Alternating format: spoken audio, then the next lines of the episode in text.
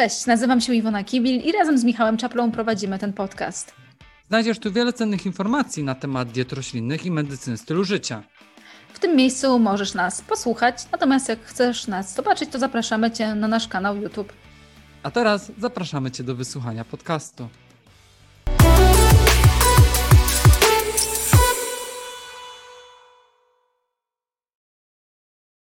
Cześć, nazywam się Michał Czapla i chciałem zaprosić Ciebie do wysłuchania mojego pierwszego solowego podcastu. Chciałem Wam opowiedzieć na temat mojej pracy opublikowanej w zeszłym miesiącu na łamach międzynarodowego czasopisma New Trends na temat wpływu stanu odżywienia na przeżycie wewnątrzszpitalne u pacjentów z COVID-19 wentylowanych mechanicznie i przebywających w oddziale intensywnej terapii. Na dzień dzisiejszy, a mamy 12 października, 237 milionów ludzi na świecie zostało zainfekowanych, a prawie 5 milionów ludzi zmarło z powodu COVID-19.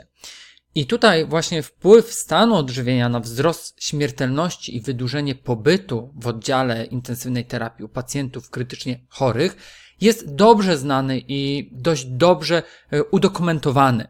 Podeszły wiek pacjenta, płeć męska, choroby współistniejące, nadwaga, otyłość czy niedożywienie to tylko niektóre ze znanych czynników ryzyka ciężkiego zachorowania. Mm, dodatkowo trwająca kilka dni, a nawet tygodni poprzedzających przyjęcie na oddział intensywnej terapii infekcja COVID-19 sprzyja niedożywieniu pacjenta, a to z kolei może prowadzić do zwiększenia patogenności czynnika zakażającego i progresji choroby. Ponadto opublikowane badania wskazują na ryzyko powstania niedożywienia u pacjentów chorujących na COVID-19. Częstość jego występowania u hospitalizowanych z tego powodu pacjentów sięga aż 50%.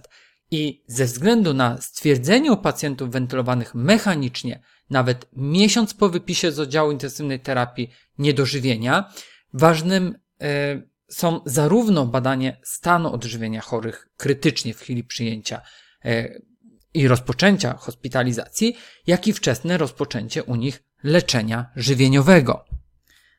Bardzo ważnym jest także to, że nadwaga i otyłość jest czynnikiem, który pogarsza rokowania.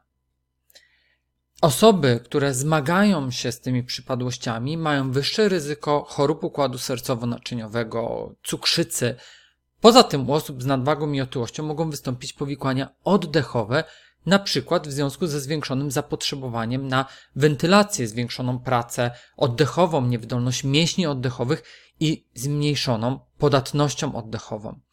Więc pacjenci, którzy wymagają leczenia w oddziale intensywnej terapii, powinni zostać poddani ocenie stanu odżywienia.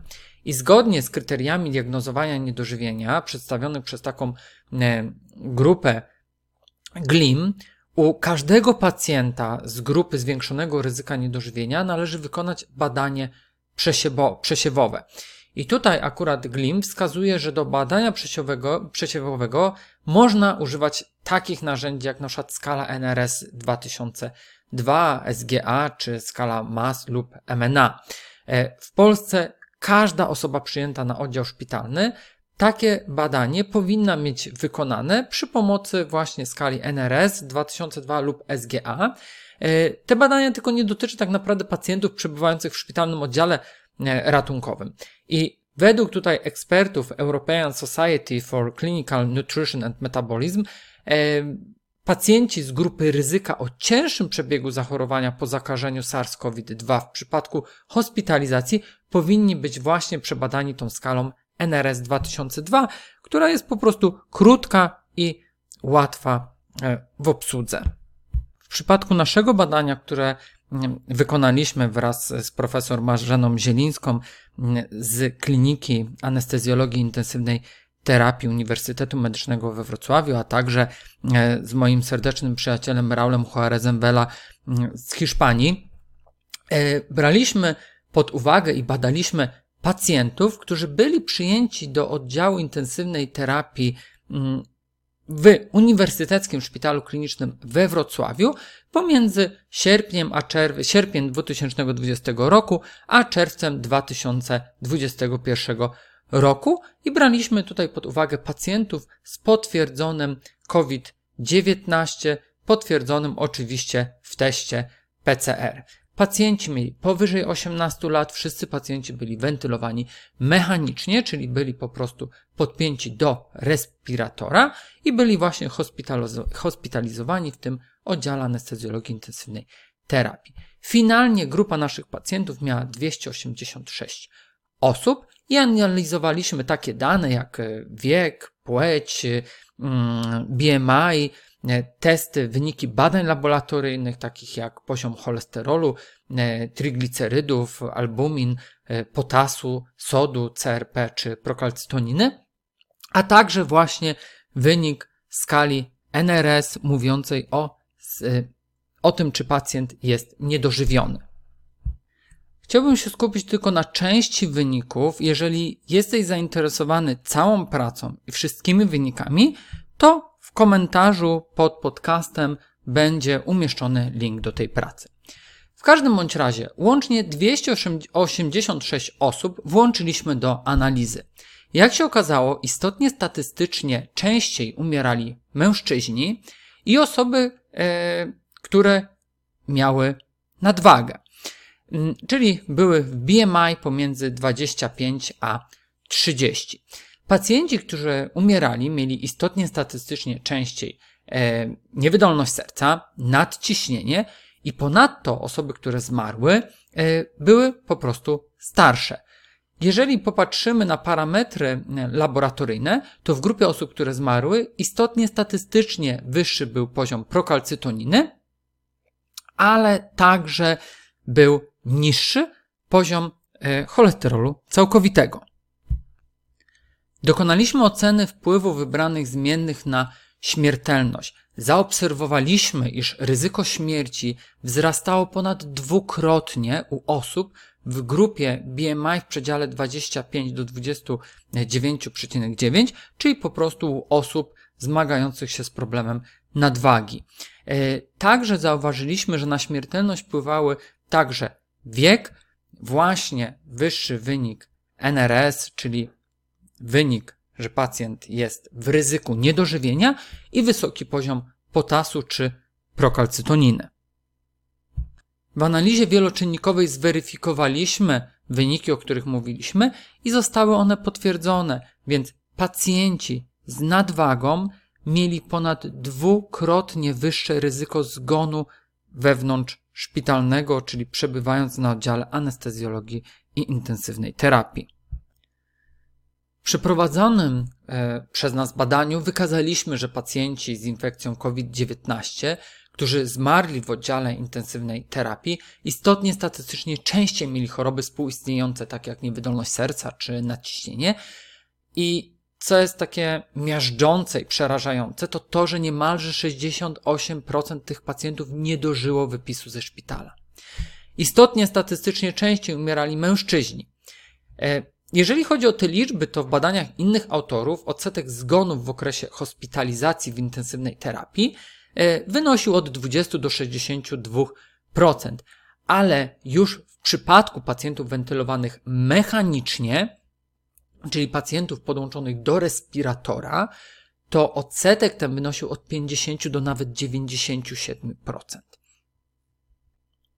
Co jest także mm, ważne, to tej badanej grupie, jeszcze raz powtórzę, ponad dwukrotnie wzrastało ryzyko zgonu u pacjentów, którzy zmagali się z nadwagą. Powszechnie wiadomo, że zarówno nadwaga, jak i otyłość są czynnikami ryzyka rozwoju wielu chorób współistniejących, czyli właśnie naciśnienia tętniczego, chorób układu sercowo-naczyniowego, cukrzycy typu drugiego, a także obturacyjnego bezdechu sennego, a one uważane z kolei są za czynniki ryzyka ciężkich powikłań COVID-19. Więc Sama nadwaga i otyłość mogą sprzyjać powstaniu przewlekłego stanu zapalnego, co może prowadzić do upośledzenia odporności, a także do e, upośledzenia czynności płuc. Tutaj bardzo ważna jest informacja, E, I bardzo ważne jest to, że nadmierna ilość tkanki tłuszczowej utrudnia prawidłową wymianę e, gazów oddechowych. Tkanka tłuszczowa, która jest zlokalizowana podskórnie, zwłaszcza w przedniej i bocznej części klatki piersiowej, zwiększa jej opór podczas oddychania, a to w konsekwencji e, mm, do tego, że pacjent może wymagać stosowania wyższych ciśnień podczas wentylacji mechanicznej. Więc warto tutaj podkreślić, że nieprawidłowa masa ciała może stanowić problem u tych pacjentów. Może także stanowić problem podczas ekstubacji pacjenta, czyli pacjenta, czyli usunięcia rurki intubacyjnej. E, w tym przypadku, zwłaszcza kiedy mamy do czynienia z otyłością, dlatego że w takim przypadku zwiększa się skłonność do zapadania górnych dróg oddechowych. E, co za tym idzie? Wzrasta ryzyko ponownej intubacji, a także nadwaga i otyłość wiąże się z ryzykiem, e, że ten pacjent może zostać niezaintubowany tak szybko, jak pacjenci, którzy nie zmagają się z tymi problemami. Tutaj, mm, tutaj chciałem jeszcze zwrócić uwagę na to, e, nie powiedziałem tego wcześniej, że pośród wszystkich hospitalizowanych pacjentów w naszym badaniu ponad 40% miało nadwagę, a prawie 50% otyłość. Badacze wskazują, że ryzyko ciężkiego przebiegu COVID-19 i wentylacji inwazyjnej w oddziale intensywnej terapii jest wyższe, kiedy pacjenci równocześnie cierpią e, z powodu chorób współistniejących i otyłości. Jednakże jednocześnie pokazują, że niekoniecznie otyłość musi być predyktorem zwiększonego ryzyka zgonu w oddziale intensywnej e, terapii. I tutaj na przykład są badania, w których pokazano, że pacjenci, którzy mieli BMI powyżej 30 e, kg na metr kwadratowych, czyli po prostu byli pacjentami mm, z otyłością, e, nie miała ona wpływu na przeżycie w tym oddziale. Ale na przykład w innych badaniach ta ciężka otyłość sklasyfikowana na przykład jako BMI powyżej 35 kg na metr kwadratowy i płeć męska na przykład były niezależnie związane z potrzebą intubacji pacjenta i zgonu. E, te badania powołują się często na tak zwany paradoks otyłości. No, jak na ironię pacjenci, którzy chorują na choroby układu sercowo-naczyniowego, pomimo zwiększonego ryzyka zdrowotnego, które jest związane z otyłością, często mają lepsze wyniki niż szczuplejsi pacjenci. Jednym z możliwych wytłumaczeń tego zjawiska jest fakt, że często u pacjentów z otyłością w młodszym wieku rozwija się choroba i wcześniej u nich są wdrażane mm, intensywne mm, działania lecznicze, a one mogą mieć wpływ na zmniejszenie wśród tych osób śmiertelności.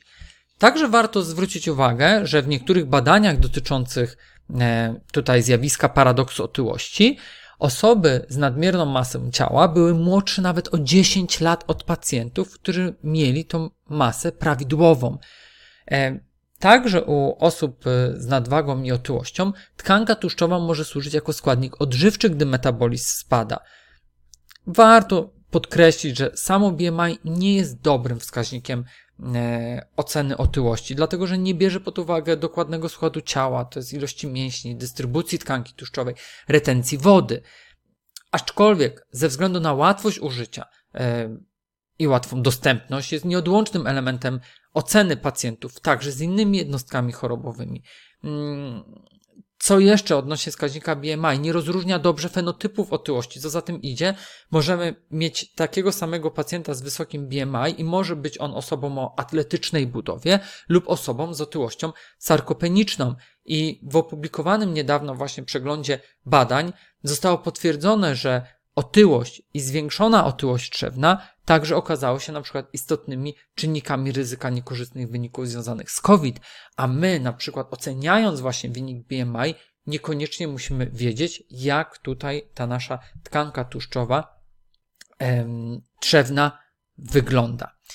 I chociaż nasze badanie nie wykazało związku pomiędzy otyłością a ryzykiem zgonu, tylko u nas w tym badaniu to ryzyko wzrastało w przypadku pacjentów z nadwagą, to należy pamiętać, że w przypadku wystąpienia otyłości należy nadal traktować to jako potencjalny czynnik ryzyka ciężkich powikłań i zgonu. Żeby nie było, że tylko tutaj mówimy o nadwadze i otyłości, to Także chciałem powiedzieć, że w wykonanym mm, przez nas badaniu w tej analizie jednoczynnikowej także ryzyko zgonu rosło wraz z ryzykiem niedożywienia według właśnie tego, tej skali NRS 2002. Więc pacjenci, którzy mieli wyższy wynik, który wskazywał na to ryzyko, o 18% mieli wyższe ryzyko zgonu e, w trakcie pobytu w oddziale intensywnej terapii. Więc warto tutaj powiedzieć, że badania potwierdzają, że ryzyko niedożywienia jest silne, silnie związane ze śmiertelnością.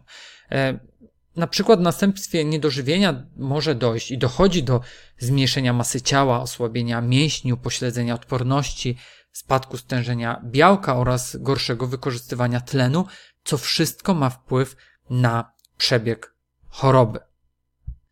Podsumowując, nadwaga u pacjentów e, z COVID-19 krytycznie chorych, którzy wymagają zastosowania inwazyjnych metod wentylacji mechanicznej, w sposób istotny zwiększa ryzyko ich zgonu.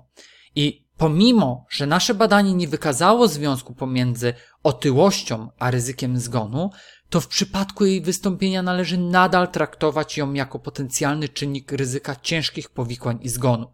Brak potwierdzenia tej zależności prezentowanym przeze mnie badaniu nie powinien być interpretowany jako potencjalnie ochronne jej działanie. Ryzyko niedożywienia także zwiększa ryzyko śmierci wewnątrzszpitalnej i niewątpliwie badania dotyczące stanu odżywienia pacjentów chorujących na COVID-19 przybywających w oddziale intensywnej terapii wymagają dalszych badań.